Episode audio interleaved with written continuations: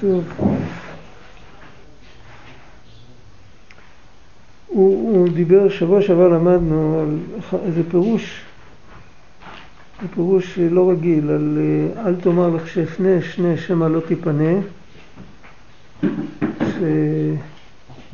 שחז"ל הרי אמרו לעולם יעסוק אדם בתורה מצוות שלא לשמה, שמתוך שלא לשמה בא לשמה. אם בן אדם מחכה והוא לא רוצה, הוא לא רוצה ללמוד, הוא רוצה קודם כל לנקות את עצמו, שיהיה לגמרי לשמה. ואז היצר הרע מתגרה יותר באדם כזה.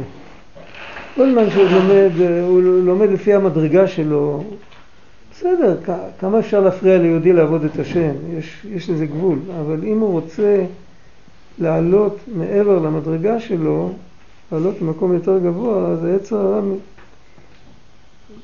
נלחם בו יותר, ולכן אמרו חז"ל, אל תאמר לך שאפנה שני שמא לא תיפנה, כי אל תאמר שמתי שאתה תהיה נקי לגמרי מכל, ה... מכל המידות הרעות ומכל זה, אז רק תתחיל ללמוד, שמא לא תיפנה. ואז יכול להיות שלא תלמד בכלל. אז לכן אה, צריך לגנוב את דעת היצר הרע, ועל זה הוא מביא את, ה... את המדרש של אה, חישבתי דרכי ואשיב הרגלי אל עדותיך.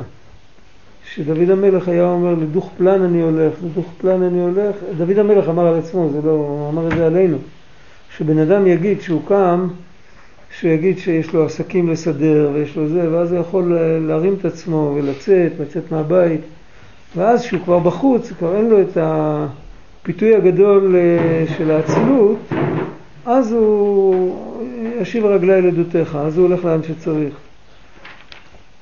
זה ראינו. ואותו דבר בלימוד הוא מתחיל עם שלא לשמה, והעיקר שהוא יושב ולומד. אחרי שהוא כבר יושב ולומד, אז הוא כבר יכול לפעול בעצמו יותר שהכוונה תהיה נקייה וטהורה. אבל אם הוא מנסה לעשות את זה מחוץ לבית המדרש, הוא כאילו לא ייכנס לבית המדרש עד שלא תהיה לו כוונה טהורה, אז לעולם זה לא יגיע.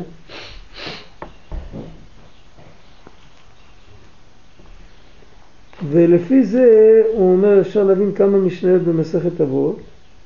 וכן מה שאמרו שם אז כאן אמר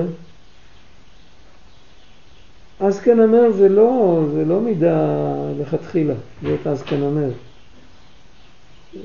להיות בן אדם לא נעים כאילו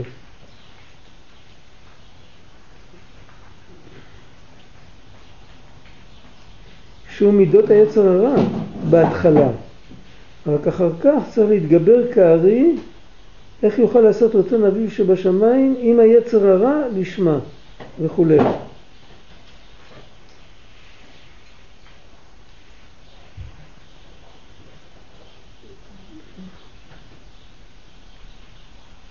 אך מחמת שיש בזה סכנה, בכל הדרך הזאת, כי מי יודע שיוכל להימלט אחר כך מהיצר הרע? הוא לומד תורה שלא לשמה זה סכנה, ללמוד תורה, לא ללמוד עד שיתחיל ללמוד לשמה זה גם סכנה. הסכנה בלחכות זה שלעולם הוא לא ילמד. והסכנה בללמוד תורה שלא לשמה, שלעולם ועד הוא לא יצא מזה, הוא תמיד יישאר ככה. לכך באמת צריך להתפלל על זה הרבה להשם יתברך, כמו שהתפלל יעקב אבינו עליו השלום, הצילני נא מיד אחי מיד עשיו, פן יבוא ויכני אם על בנים. מה פירוש פן יבוא ויקני עשיו זה ברור שזה היצר הרע. שרו של עשיו זה הסמ"ם. ומה זה פן יבוא ויקני אם על בנים? מה זה האם ומה זה הבנים? האם זה המחשבה, כי המחשבה נקראת אם, והתולדה והמעשים נקראים בנים.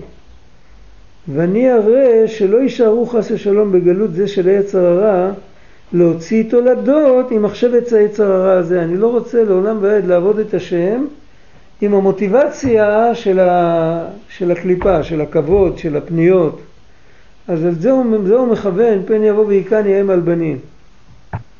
לכך יתפלל שיזכה לצאת מגלות זה של היצר הרע, שהוא תחילת המחשבה קודם שיעשה המעשה שנקראים בנים. זאת אומרת שהוא יזכה שיהיה לו מניע טהור למעשים הטובים שהוא עשה. שלא יעשה למען הפנייה. לא כתוב כאן שהוא מקבל על עצמו לחכות, שהוא לא מתחיל לעשות מעשים טובים עד שלא מגיע... זה לא. אבל על כל פנים הוא מתפלל שיגיע לזה, יכול להיות שהוא מתחיל עכשיו עם פניות. הוא מתפלל שיגיע לבסס את עבודת השם שלו לא על פניות אלא על, על, על עבודה אמיתית.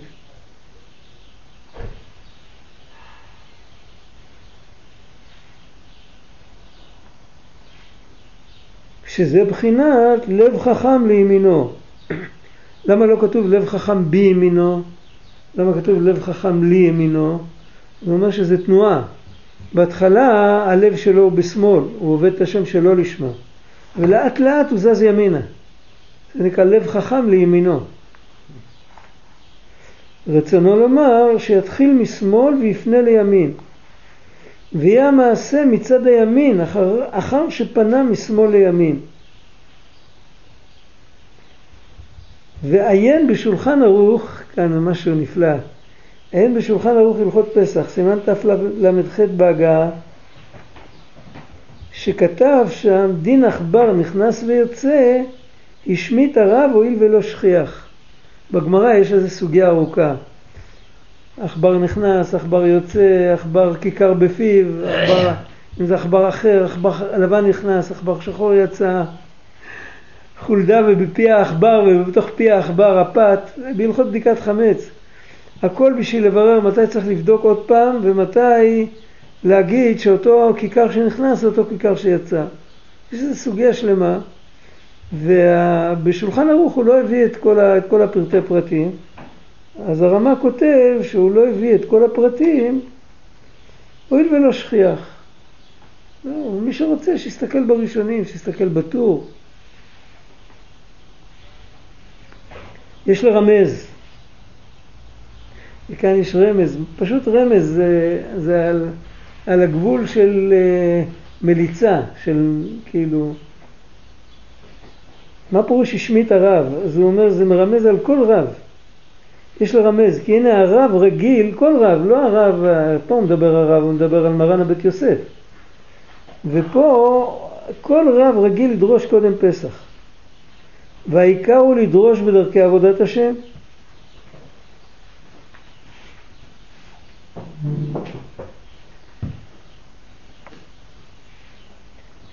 ומכל מקום, בחינה זו דאיל ונפיק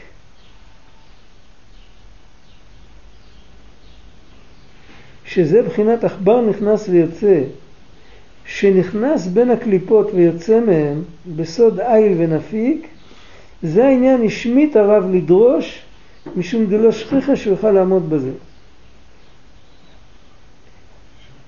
הרב צריך לדרוש אה, לפני פסח איך לנקות את הבית, איך לנקות את הלב, שלא יהיו מידות רעות, שלא יעשו עבירות, אבל את הדקויות של לעבוד את השם אך ורק לשם שמיים, ו- ולהיכנס בדקות, בעומק של הדברים האלה, את הרב צריך להשמיט. כי הרבה פעמים בן אדם נכנס לתוך נקודה של אם, אם כן, למה זה, למה זה אנוכי? אם, אם, אם כך צריך לעבוד את השם, אני הרי לא יכול לעבוד את השם ככה, אז אני לא אעבוד בכלל. אז אה, כאילו, תן לעכבר שייכנס ויצא, עזוב אותו. עכברים יש בכל מקום. זה לא אומר שאם רואים עכבר בבית אז כבר עוברים דירה. במשך הזמן יתפוס אותו, זה לא סוף העולם. שהוא אומר הואיל ולא ולא, הוא אומר הואיל ולא שכיח. הלא שכיח, מה, הלא שכיח, הוא כותב, הוא כותב, זה לא שכיחה שיוכלו לעמוד בזה. אה. ככה הוא מסביר. עכברים היו מאוד שכיחים בבתים של פעם, גם היום הם שכיחים, אבל אה. בבתים של פעם הגימורים לא היו כל כך גמורים כמו היום. אז היו עכברים בכל בית. זה, זה כאילו דבר אה, ברור לגמרי. וכל שכן בכוונת סוד, בסוד כתוב כאן, נפילת אפיים כנ"ל, ולכן שומר נפשו ירחק מזה ואבן.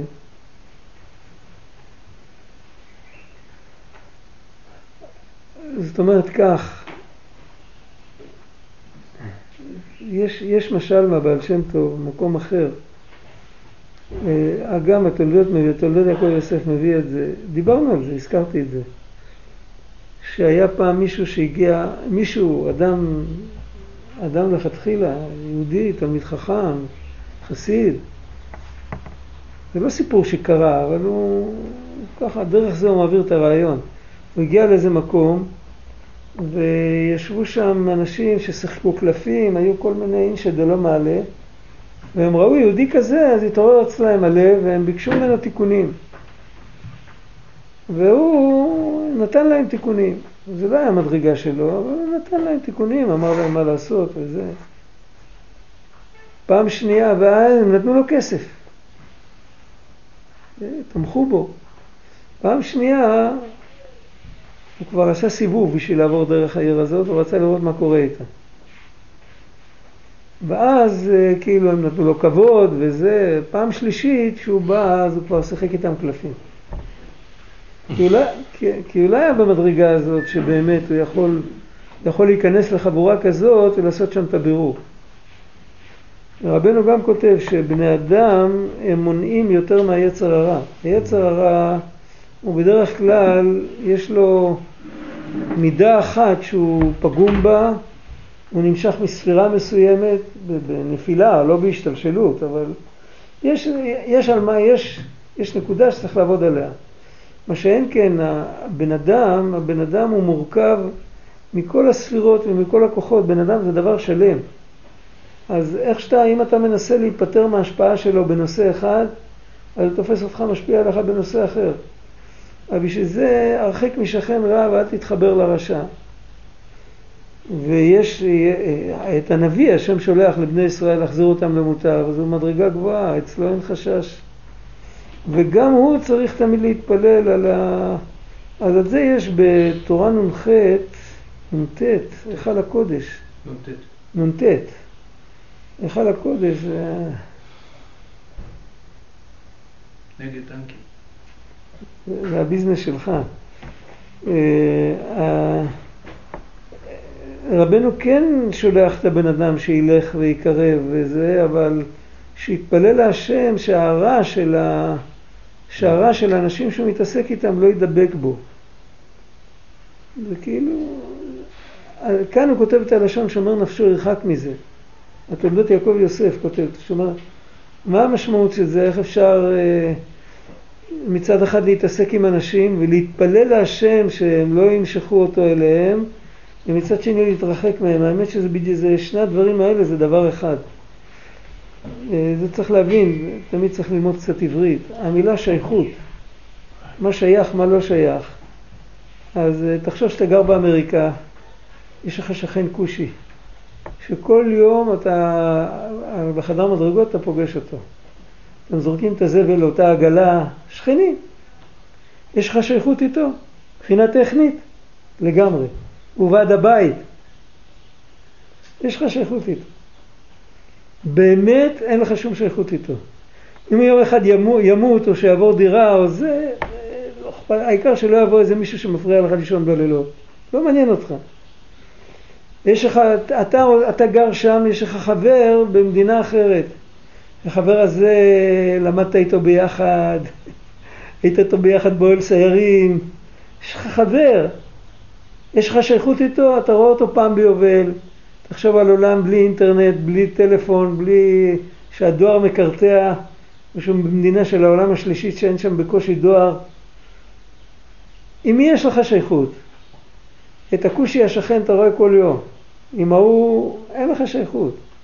אבל חס וחלילה אם תשמע שקרה לו משהו, אוי ואבוי מה שיהיה.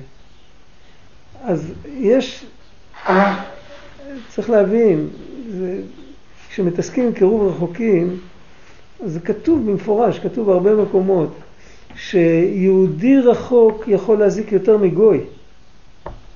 כתוב, בכל הספרים זה כתוב. מצד שני, עם הגוי אין לי שום עסק. את היהודי אני חייב לקרב, צריך להגיד לו מילה טובה, צריך לקרב אותו, אבל צריך לדעת שכל זמן שהוא לא התחיל לזוז מהמקום שלו, אין לי שייכות איתו. יש לי שייכות איתו כמו עם אביי בחדר מדרגות, למרות שזה לא יפה להגיד את זה. אין לי שייכות איתו. אני לא באמת מתפעל ממנו. אני שומר את עצמי רחוק, למרות שאני מחייך אליו. זה הביזנס שלך גם כן. יש הרבה אנשים שיש להם ביזנס כזה.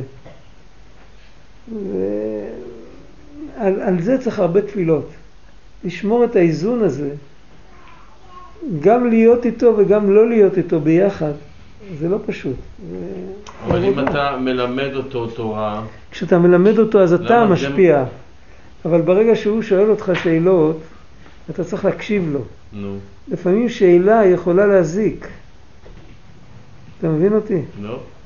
למה לא? שאלה של אפיקורס, שאלה של אפיקורס יכולה מאוד מאוד להזיק. אה. בהחלט. לא רק שאלה, גם שהוא מספר, הוא יכול לספר הוא מספר סיפור, הוא לא מספר, כן. הוא מדבר אחד שמלמד תורה, פחות מספר, אבל גם מספרים לו, גם לאלה מספרים. היום כל רב שמלמד אה, הופך להיות מקשיב תורן כזה. ולפעמים זה, זה דברים או שהם מזיקים, או שהם מקררים את האדם מיראת שמיים שלו, או שהם הורסים את התמימות שלו, כל מיני דברים. וצריך הרבה סייעתא דשמיא שהדברים האלה לא יזיקו. וזה זה, זה שוויץ' במוח ובלב, וצריך להתפלל ש, ש, שנחזיק מעמד בשוויץ' הזה.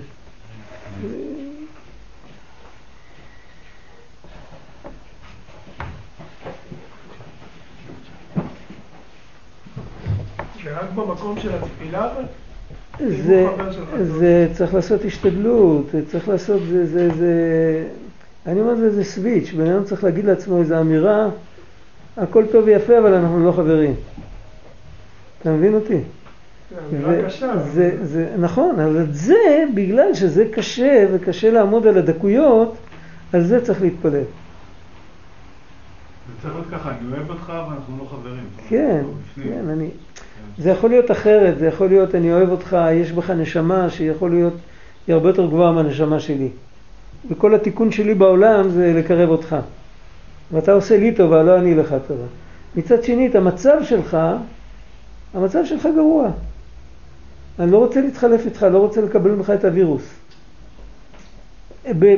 בחולה בגשמיות אפשר לאהוב אותו ולשמור על... אה, לא להידבק, נכון? זה אנחנו רואים.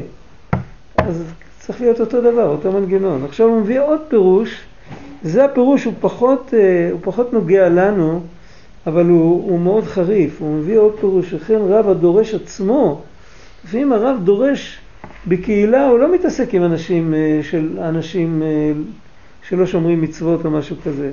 הוא דורש לתלמידים שלו, הוא דורש עומק וחריפות וכל זה.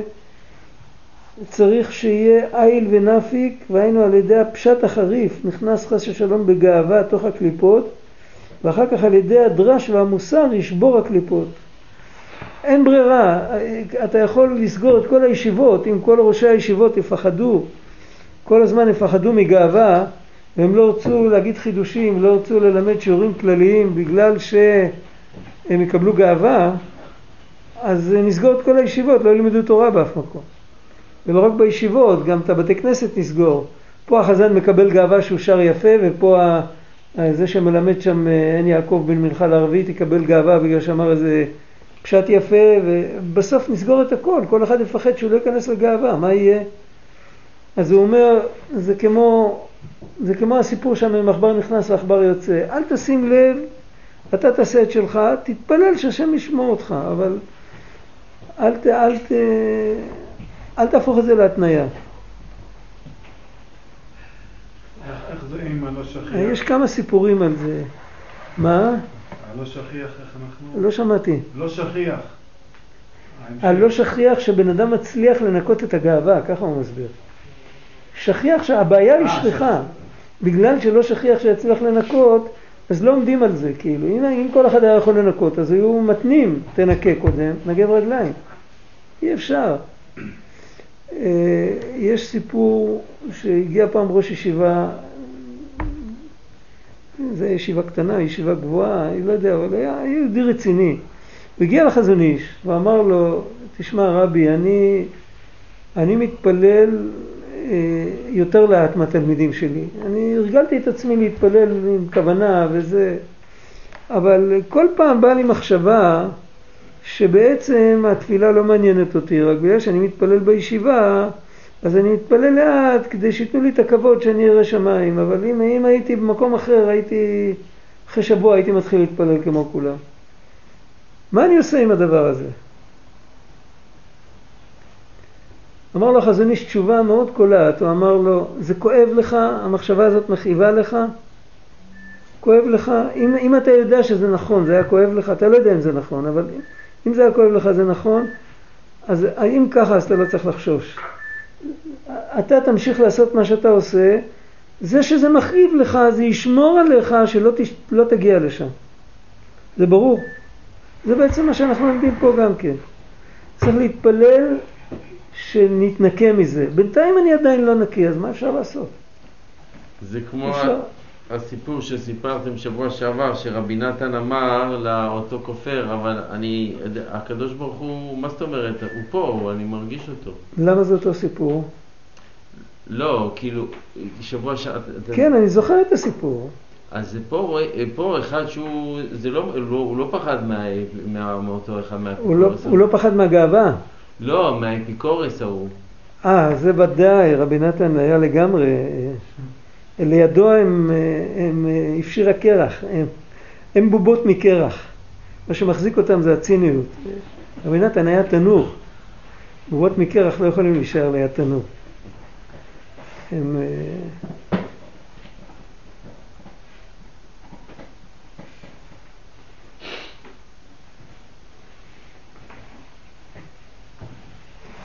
פה אולי, אולי את זה אני אמצא ב... את אות מ"ז, יש כאן פרשת וישב, אם אני אצליח לראות את זה, זה יהיה טוב, כי הוא ממש מביא רק שני מילים, אני לא יודע אם אני אצליח, לפעמים קשה למצוא, לפעמים הוא מצרף כמה סעיפים יחד.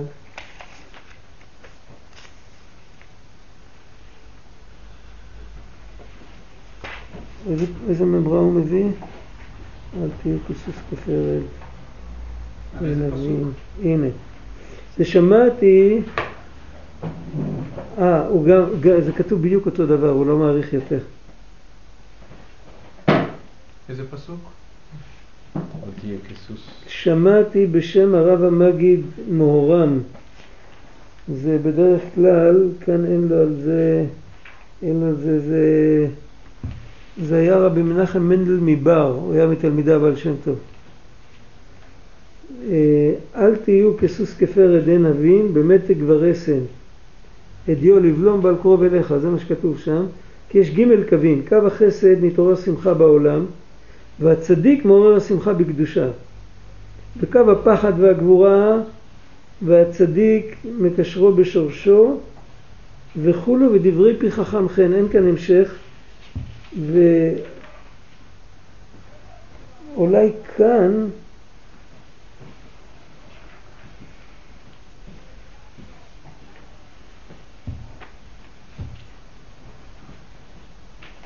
כאן הוא כותב ככה, הוא כותב בהערות תבוא ברכה על מי שהביא את זה. בהערות הוא כותב אה, השוואה לספר אחר של בעל התולדות יעקב יוסף. זה לשון רבנו בצפנת פענח, פרשת וירא. כי כמו ג' סוגים בסוסים, אחד שאינו צריך מתג ורסן. זה כמו, לא יודע, זה כמו החמור של הסבא שלי, כמו שאומרים, הוא, הוא הלך, הוא ידע את הדרך, הוא הלך, הוא... ב' דלא מהנג מתג ורסן, ואדרבה מזיק לו, ברגע ש... ברגע שמתחילים ל... ל... כאילו ללחוץ עליו, אז הוא רק מתפרע עוד יותר. ג' המתנהג על פי מתג ורסן, בלי מתג ורסן הוא לא הולך בדרך, הוא הולך הצידה, אבל עם מתג ורסן אפשר לשלוט בו. כך יש ג' סוגי אנשים בג' קווים שמתעורר בעולם.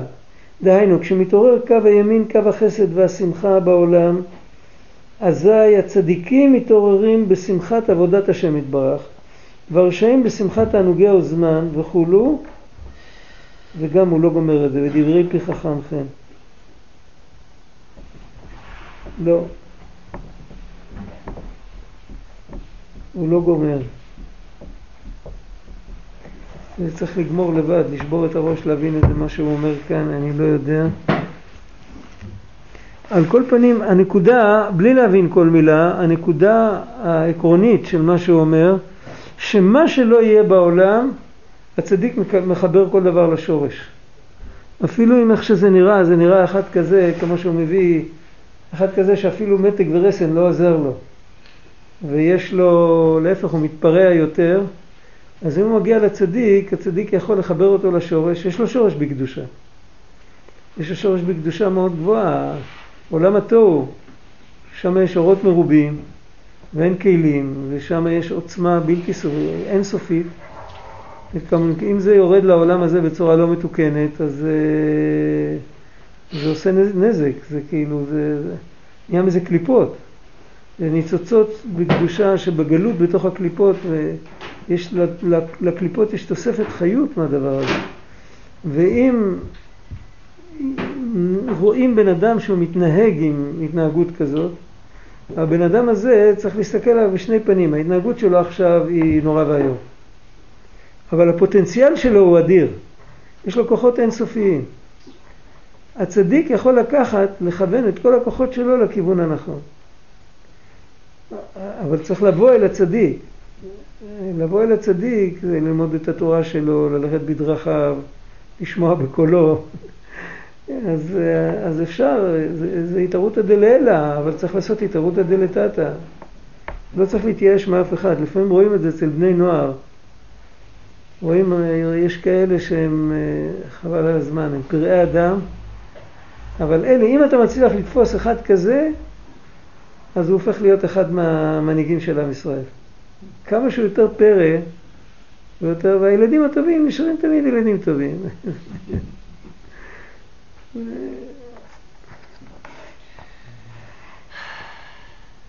מבואר לעיל בשם מורי, בעניין כל אשר תמצא ידך לעשות בכוחך עשה, כששעושה מעשה גשמי ומקשרו עם המחשבה למעלה בדעת העליון, נעשה ייחוד קודשו ברוך הוא שכינתה, המעשה הגשמי זה השתלשלות מהשכינה, והכוונה, המחשבה העליונה זה מקודשו בריך הוא. וכשהוא עושה מעשה גשמי לשם שמיים, זה ייחוד קודשא בריך הוא שכינתה. ומעשה הוא בחינת מלכות, בחינת יהודה, ועולם המחשבה והדעת נקרא יוסף. והיו לאחדים בידיך, כתוב ביחזקאל. יוסף ויהודה זה, זה, זה יסוד ומלכות. והיסוד זה סוף עולמות האינסוף, זה המדרגה הכי נמוכה בזעיר אנפין. והמלכות זה התחלת הנבראים כאילו, זה התחלת ה...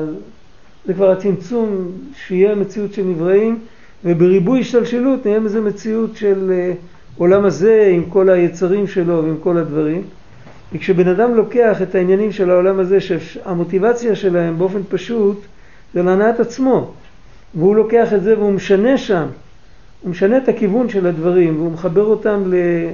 לרצון השם, שעל ידי זה אני יכול לקיים יותר טוב את רצון השם, אז הוא מייחד את המלכות למעלה עם היסוד למעלה. כי הוא מחבר את מה שנמשך מהמלכות למטה עם מה שנמשך מהיסוד למטה. בתוך האדם היסוד זה הקדושה. המלכות זה דרך הטבע. אם הוא מחבר את דרך הטבע לקדושה, אז הוא פועל בכל העולמות שהמלכות תתחבר עם היסוד. וזה הסוד של לחבר את יהודה עם יוסף. הוא מדבר על...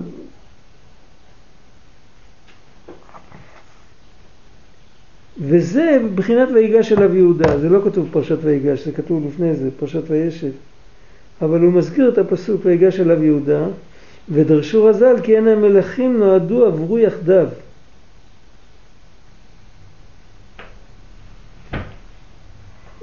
בפסוק חז"ל דורשים את זה על יהודה ויוסף, יהודה זה שורש המלוכה, יוסף היה מלך וגם מלכי ישראל יצאו מיוסף. ירבעם, יהוא יצאו מיוסף, אפרים ומנשה.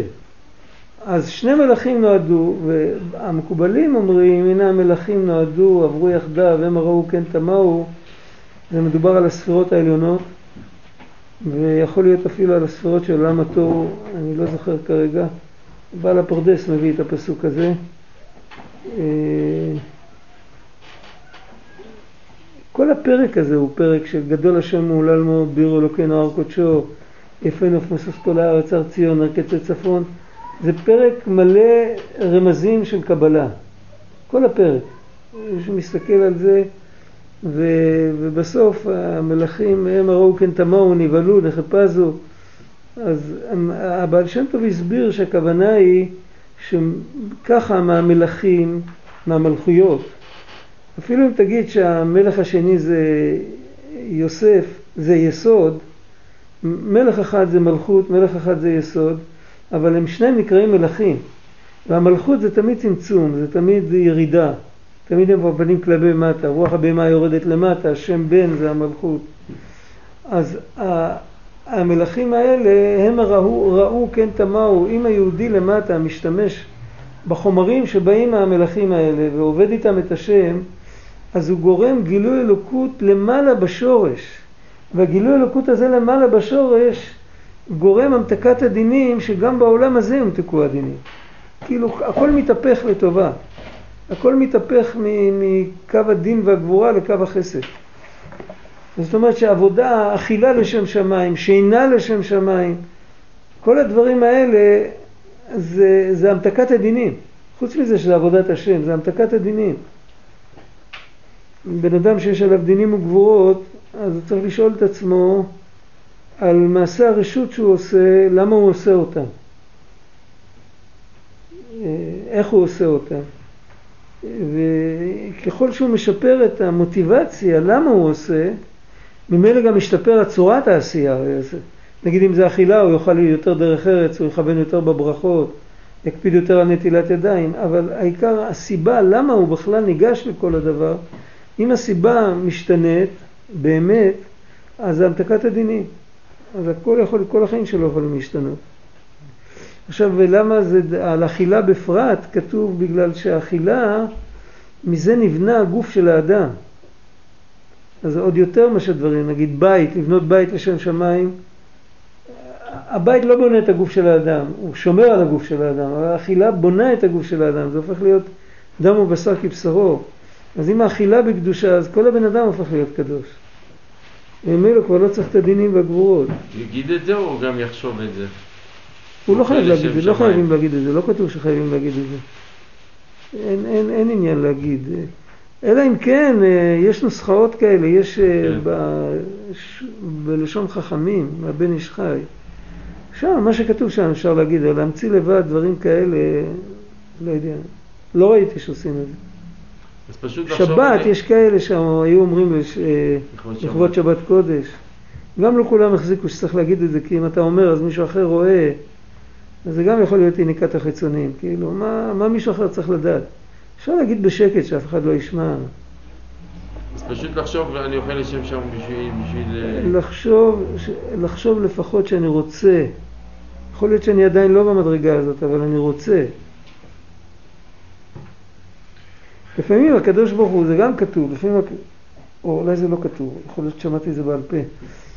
אה, לפעמים הקדוש ברוך הוא מזמין לבן אדם גורם מזמן שידע אם הוא באמת אוכל לשם שמיים, אם באמצע האוכל קוראים לו לעזור למישהו. איך הוא קם? בדיוק, הוא צריך לדחוף לו את האוטו, אני יודע מה, באמצע האוכל. אם הוא קם בשמחה, סימן שהוא אכל לשם שמיים. אבל מצד שני, אז גם כן, זה גם זה משהו בעל פה, אני חושב שזה לא, לא ראיתי זה כתוב באף מקום. שמצד שני אתה צודק, מצד שני יהודי תמיד צריך להגיד שהוא אוכל לשם שמיים. אבל יכול להיות שזה לא באמת, יכול להיות שאם יקראו לו אז הוא יקים ויגיד אוי עוד פעם. אז זה לא אמיתי ואסור להיות דבר שקרים לפני המקום. בכל אופן שיגיד, למה? כי זה שומר עליו, שאם ייתנו לו דבר מיותר לגמרי אז הוא יוותר על זה.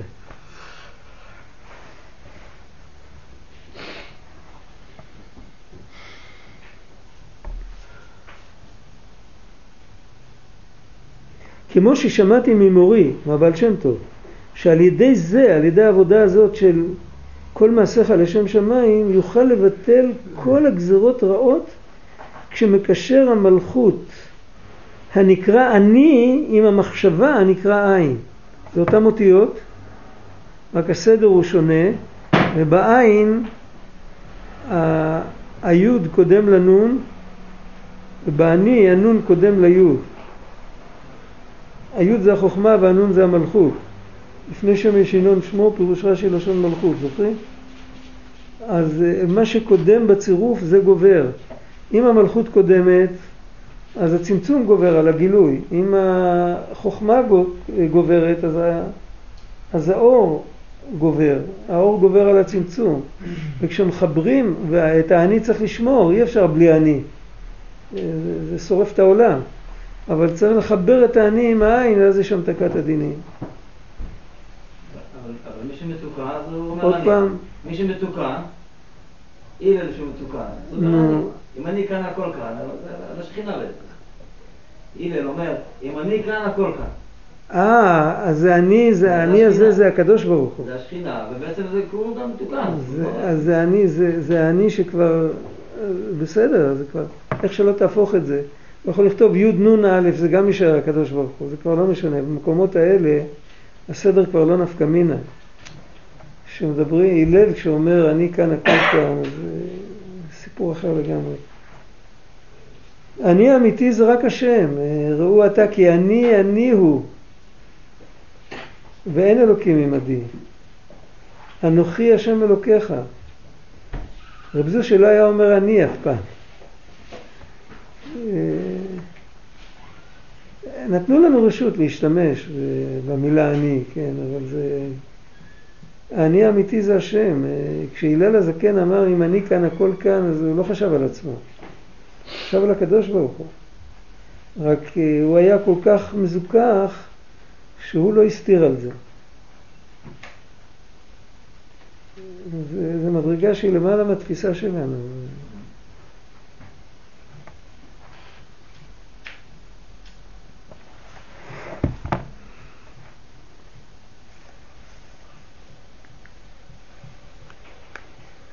שמעתי בשם מחותני מורנו ורבנו הרב רבי חיים.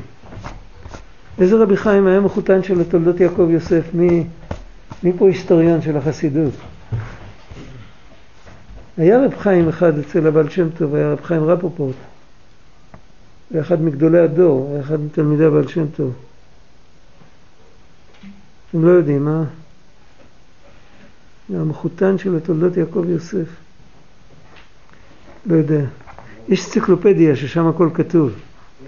איזה יהודי בשם אלפסי, חסיד גור, שעשה אנציקלופדיה על כולם, מהבעל שם טוב עד, אה, עד הדור שלו.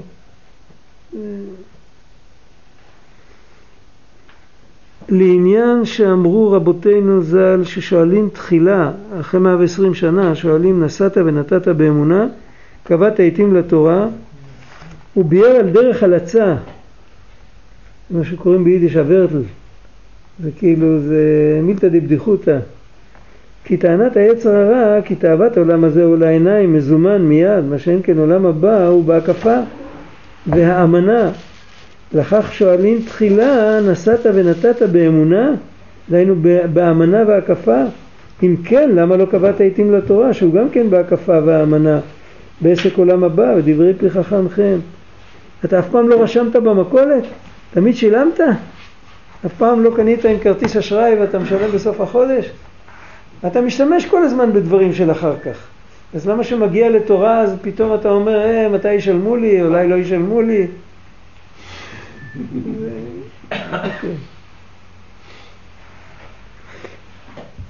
להינצל מהיצר הרע או באחד מגימל דברים שהתקין יעקב את עצמו נגד עשיו. מה כתוב שם? תפילה ודורון ומלחמה. וכולו.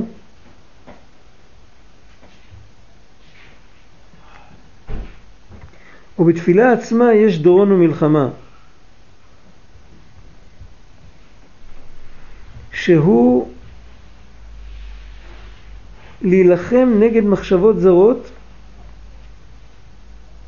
עד שיקשר כל אחד בשורשו, כאשר קיבלתי ממורי בכל הגימל קווים.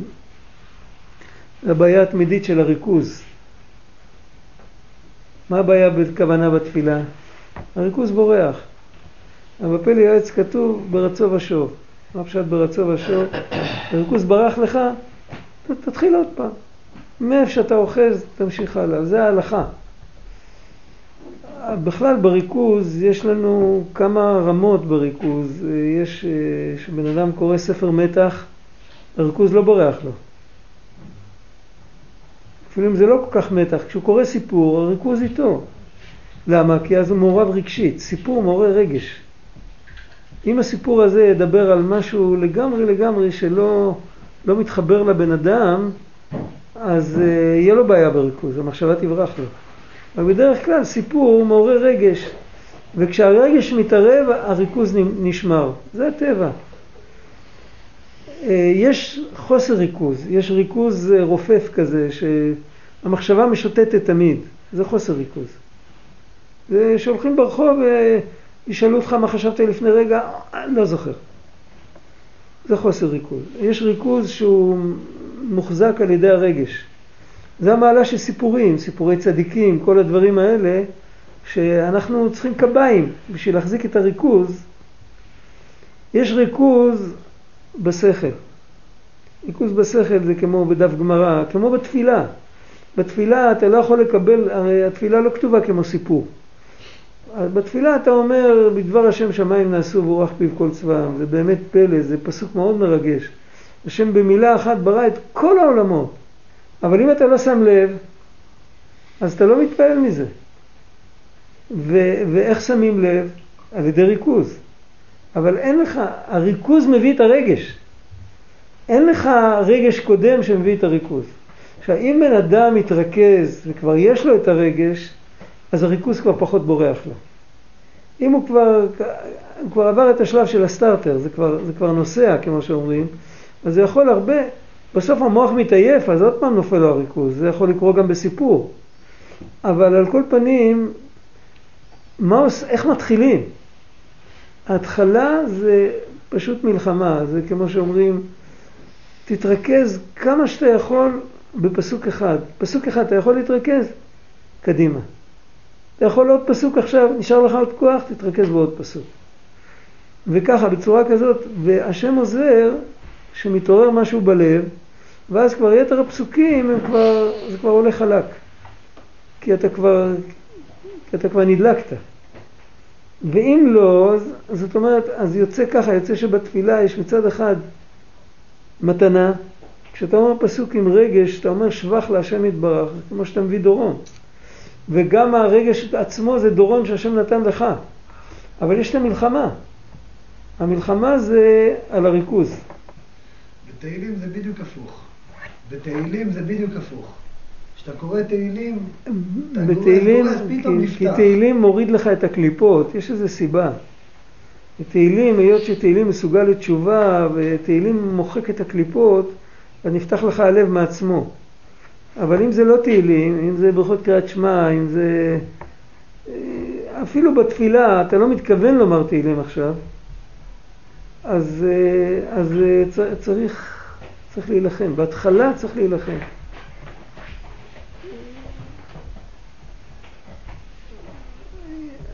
מה שעומד לרועץ נגד התפילה, זה לוקח זמן להילחם.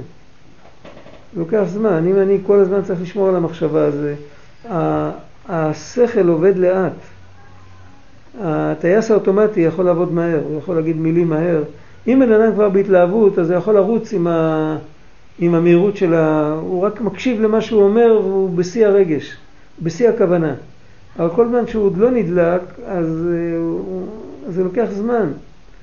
זה לוקח זמן, צריך להקדיש זמן, צריך לבוא יותר מוקדם, אני לא יודע, איך שלא יהיה, לא צריך לעשות את זה עם כל התפילה. היו כאלה שהיו עושים סימניה בסידור. עד כאן התפללתי, עד כאן נלחמתי היום, מכאן עד כאן אני אלחם מחר. כל יום קטע. ובסוף השם עוזר, אבל יש עניין של מלחמה בתפילה, כתוב בזוהר, שעת, צלוטה, שעת קרבה. ובפנימיות ההסבר הוא שלמה הם באים כולם בתפילה דווקא?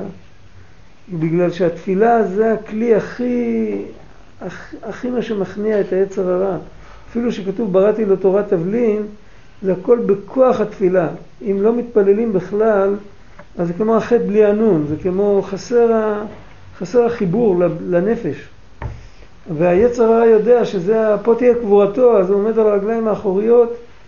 רב שב שלורוביץ אמר פעם, הבן של רב שמואל, עליו השלום, יהודי יקר, הוא דמה לאבא שלו. אז הוא אמר, אה, היצר הרע ייתן לך את כל העבודות שבעולם, רק לא את התפילה. לא את התפילה ולא את ההתבודדות. כל היתר אתה תוכל ללמוד ולרקוד ולעשות איתקפיה ולרוץ למקוואות ולנסוע לקברי צדיקים, הכל הכל הוא ירשה לך. תהיה בקיא בש"ס, אבל להתפלל עם תחושה שאתה מדבר עם השם וזו התפילה האישית שלך, על זה הוא עומד עם הרגליים האחוריות, ואז צריך לעשות להפך, על זה צריך לתת עיקר הכוח. זה לא צריך לבוא בצורה כזאת, אה, צריך להיזהר מהיצר הרע שיש בזה גופה. הרבה פעמים בזה עצמו היצר הרע מתלבש, הוא מפנטז לך את התפילה, ואז כולם רואים איך אתה מתפלל. אז גם מזה צריך להיזהר. אה, כל אחד צריך להיות ב, בתוך האור שלו, אבל הוא צריך לתת לזה כל הנשמה לגמרי.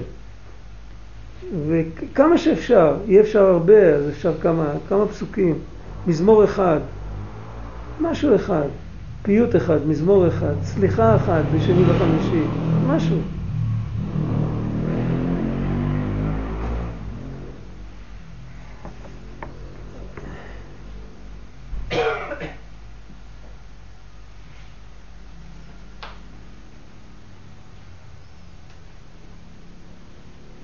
כאשר קיבלתי ממורי בכל הגימל קווים, כי להעלות המחשבות זרות הוא דרך גימל קווים של בחינת האבות, וצריך לתת לב על כל מחשבה זרה מאיזה קו היא להעלותה בשורשה. יש שלוש אה, אפשרויות איך לטפל במחשבות זרות. יש אה, להעלות אותם, זה עבודה של צדיקים, זה לא שייך לכל אחד. ולהעלות אותם, זאת אומרת להפוך אותם לטוב. אה, נגיד אם בא תאווה, להפוך אותה לאהבת השם, אם בא כעס, להפוך אותה לכעוס על היצר, לעולם ירגיז אדם יצר טוב על יצר רע, אם בא פחד, להפוך את זה ליראת השם. כל דבר יש לו מקבילה בקדושה, להפוך את זה. זה בן אדם רגיל שהוא, אם הוא מתעסק עם זה, אז הוא בתוך, הוא בתוך המערבולת, הוא לא יכול לצאת מהמערבולת. אז זה, זה מדובר על צדיקים, זה ברור לגמרי. יש עבודה פשוטה של היסח הדעת, שהיא לא שייכת, אה, כאילו, כל דבר זר שנכנס, מיד להתרכז במשהו שונה לחלוטין וזה. יש עבודה שהיא מורכבת משניהם, יש איזה מכתב ארוך של רבי גדליה במכתבים שלו, שהוא כותב שיש על ידי היסח הדעת גופה עושים תיקון במחשבה זרה. לכאורה לא, רק, רק בורחים ממנה. זה אומר שזה לא פשוט, כי כל פעם שיהודי מסיח את הדעת ממחשבה זרה, הוא צריך להאמין באמונה שלמה שבתוך המחשבה הזרה הזו יש ניצוץ של קדושה, והוא לא הפך את המחשבה הזרה, אבל יש איזשהו ניצוץ שמחכה שיהודי יפגוש את המחשבה הזרה הזאת ויברח ממנה. וזה, זה נקרא בירור בדרך שלילה, בדרך ריחוק. וזה גורם שהניצוץ הזה יתעלה ויגיע לשורש שלו. ויהודי צריך להאמין באמונה שלמה שכשהניצוץ הזה עולה לשורש, שם אומרים לו שלום עליכם גדול מאוד כי הוא ניצוץ מעולם התוהו. הוא עולה לעולם הבריאה, לעולם היצירה, הם לא מכירים דברים מעולם התוהו, עולם התוהו הרבה יותר גבוה מהם. אז שם מתווסף אור גדול מאוד, וחלק מהאור הזה שורה על היהודי שהסיח את הדעת מהמחשבה הזרה. זאת אומרת שאם באה מחשבה זרה, אם היא לא הייתה באה, היה צריך להמציא אותה, במילים אחרות. היא באה לטובתך, אבל לא שאתה מתעסק איתה להפוך אותה לאהבת השם, אלא לטובתך שתברח ממנה. אז יש כאן שני דברים, זאת אומרת, מצד אחד, אתה יודע שאתה עושה תיקון, אתה לא רק בורח, אבל אתה עושה את התיקון בגלל שאתה מדרגה נמוכה, אתה עושה את התיקון על ידי זה שאתה בורח. זה, זה, זה ממוצע כאילו בין שני הדרגות האלה. שיש אחד שאסור לו לחשוב אפילו על זה. הוא צריך לדעת לברוח, לא צריך לספר לו על ניצוצות ועל עולם הטוב, אבל הוא צריך להיות יהודי פשוט ולדעת לברוח. יגידו לו שיש בתוך המחשבה הזרה הזאת משהו טוב, עצם האמונה שהוא יאמין שיש בזה נקודה טובה, זה כבר יכול להפיל אותו חזרה. עץ הרע שלו כל כך חזק, שעץ הרע יתפוס אותו ויגיד לו, הנה, הרב אמר שזה טוב, מה אתה רוצה? אז עם זה צריך להיזהר לגמרי עד הסוף, ללכת בעבודה פשוטה, שולחן ערוך. ישתוק עד שתעבור המחשבה, כאילו, לא, לא, לברוח. יש אחד שכבר אה, אי אפשר לעבוד עליו עם שטויות כאלה, זאת אומרת, ודאי שאם הוא יתעסק להעלות את המחשבה הזרה, העץ הרע יתפוס אותו. אבל עצם זה שהוא מאמין שיש שם ניצוץ טוב, הוא לא מנסה להעלות אותו, אלא מנסה לברוח, בזה הוא כן יכול לעמוד. אז זה הוא צריך לעשות. והחוש מראה שאם ככל שיש לבן אדם בהתחלה יותר מלחמות ומחשבות זרות, בסוף התפילה שלו היא יותר בדבקות. זה מציאות. כי, ומה ההסבר? ההסבר הוא שבאמת כל אותם ניצוצות שעלו על ידי זה שהוא ברח, הם נותנים לו עכשיו כוח מהמקום איפה שהם נמצאים. ולא צריך להצטער על זה. יש כאלה שלא מבינים פשט. הם בוכים למה נופלות לי מחשבות זרות. תגיד תודה, נותנים לך הזדמנות לקיים את רצון השם. אתה, אתה חייל, מה אתה שואל למה יש אויבים? חייל לא שואל שאלות למה יש אויבים. כל זמן שהוא חייל, אז, אז אם, אם כל האויבים בעולם היו מתפוגגים, היו משחררים את כל החיילים בעולם. זה, זה ככה עם כל דבר? נגיד עם, אה, עם, עם, עם דברים אסורים אחרים? דברים אסורים. אחרים, לא מחשבות לא בתפילה. לא, לא. בחיים. ש... מה? איפה? על מה אתה מדבר? לא, בחיים, עם כן. המחשבה הזאת של, ה, של, ה, של הכפירה או כל מיני דברים כאלה. אז הבן אדם צריך להאמין באמונה שלמה שברגע שהוא מסיח, הוא צריך להסיח את הדעת. בפועל צריך להגיד, לקחת ספר, להגיד 13 מידות, לא יודע מה, להסיח את הדעת. ב, הוא צריך להאמין שבזה הוא עושה תיקון, הוא, הוא מחריט קליפה. איך כתוב? תרום ידך על צריך וכל אויביך יכרתו. משם לקחנו בברכת המינים את ה... וכל אויביך יכרתו. אז זה, זה, זה מכל אויבי עמך יכרתו. אז זה, זה משם. איך, איך כורתים את אויבי השם? על ידי זה שתרום ידך על צריך. אתה, אתה לא מתעסק איתם, זה לא הפשט. הפשט תרום ידך על צריך זה להרים יד ולהוריד עליה. אבל פה זה הפשט כאילו תתרומם, אתה יהודי, מה אתה מתעסק עם דברים כאלה? חסר לך על מה לחשוב. הכרתי שני זקנים שמי שהיה מדבר שטויות, היה לכל אחד היה תגובה אחרת. אחד היה אומר מה יוצא לך מזה, ואחד היה אומר, הוא לא היה מוכיח, זאת אומרת, הוא לא היה אומר פוי זה לא נכון, הוא היה אומר מה יוצא לך מזה? כאילו לאן אתה נכנס? והשני היה אומר, תגיד, באמת אין לך על מה לחשוב? אין לך על מה לחשוב, מה אתה עושה? זה, זה תרום ידך, זה כאילו אתה יהודי, מה, לאן אתה, אתה נכנס לתוך הזבל, מה, זה זבל, עזוב את זה. אבל ברגע שהוא עושה את זה, אז, אז מגיע המשאית ומפנה את הזבל. זאת אומרת, הוא מחריט קליפות, צריך להאמין בזה באמונה שלמה. עבודה לא פשוטה. אנחנו בדרך כלל מבואסים כשמגיעים מחשבות רעות. אז צריך לדעת שזו העבודה שלנו. הוא מאוחר, מאוד מאוחר כבר.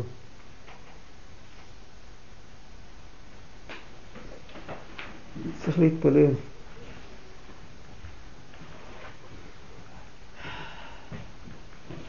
השם יזכנו.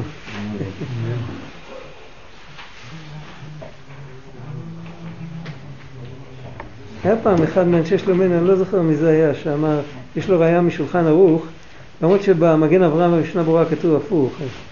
כתוב שם על נכנס אב ממעטים בשמחה, כתוב היינו שאין שמחים כלל. אבל הוא אמר מהפשט של השולחן ערוך משמע שתמיד צריך להיות בשמחה. כשנכנס אדר מרבים בשמחה, כשנכנס אב ממעטים בשמחה, אבל לשמוח תמיד צריך, שאלה רק כמה. זה סוג כזה שבאים מחשבות שמטרידות, זה כמו שנכנס אב.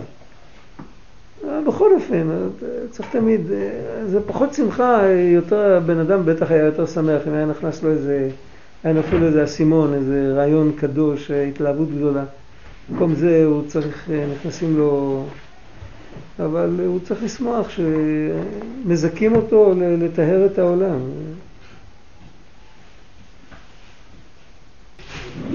אבל זה אומרת שהוא לא מתאר את עצמו בזה שהוא דוחה את זה, הוא מתאר את העולם. הוא מתאר את העולם, למרות שהוא עצמו, עדיין יכול להיות שעוד רגע תבוא מחשבה אחרת. אבל הוא עושה עבודה אמיתית. אתה הורג חייל אויב, לא גמרת את כל החיילים שלו. אבל אם הדבר הזה ימשיך כל הזמן, והוא לא יצליח להרוג אותך, בסוף לא יהיה לו צבא. זה אותו, אותו, זה ההיגיון של מלחמה. אבל גם, גם בלי לשון אה, קבלית או רוחנית, אדם פשוט שמקיים את השולחן ערוך, הוא מתקן את העולם במלכות שקאי. נכון, נכון, נכון, נכון. כן, אבל, אבל זה מחשבה שלא יכולה להזיק אפילו לבעל תאווה הכי גדול. אבל אם תתחיל להגיד לו שבתוך הדבר הגשמי שמושך אותו יש ניצוץ לקדושה, אז הוא יזרוק אותך וילך לתאווה, הוא יגיד, הנה, אמרו לי שזה קדוש. הוא לא יעשה את ההבדלה. היצר הרע הוא חכם, צריך להיזהר ממנו, לא, לא, לא עם כל אחד אפשר לדבר דיבורים כאלה. הנה, השבתאים נפלו בדיוק בזה. ההיסטוריה הוכיחה. טוב.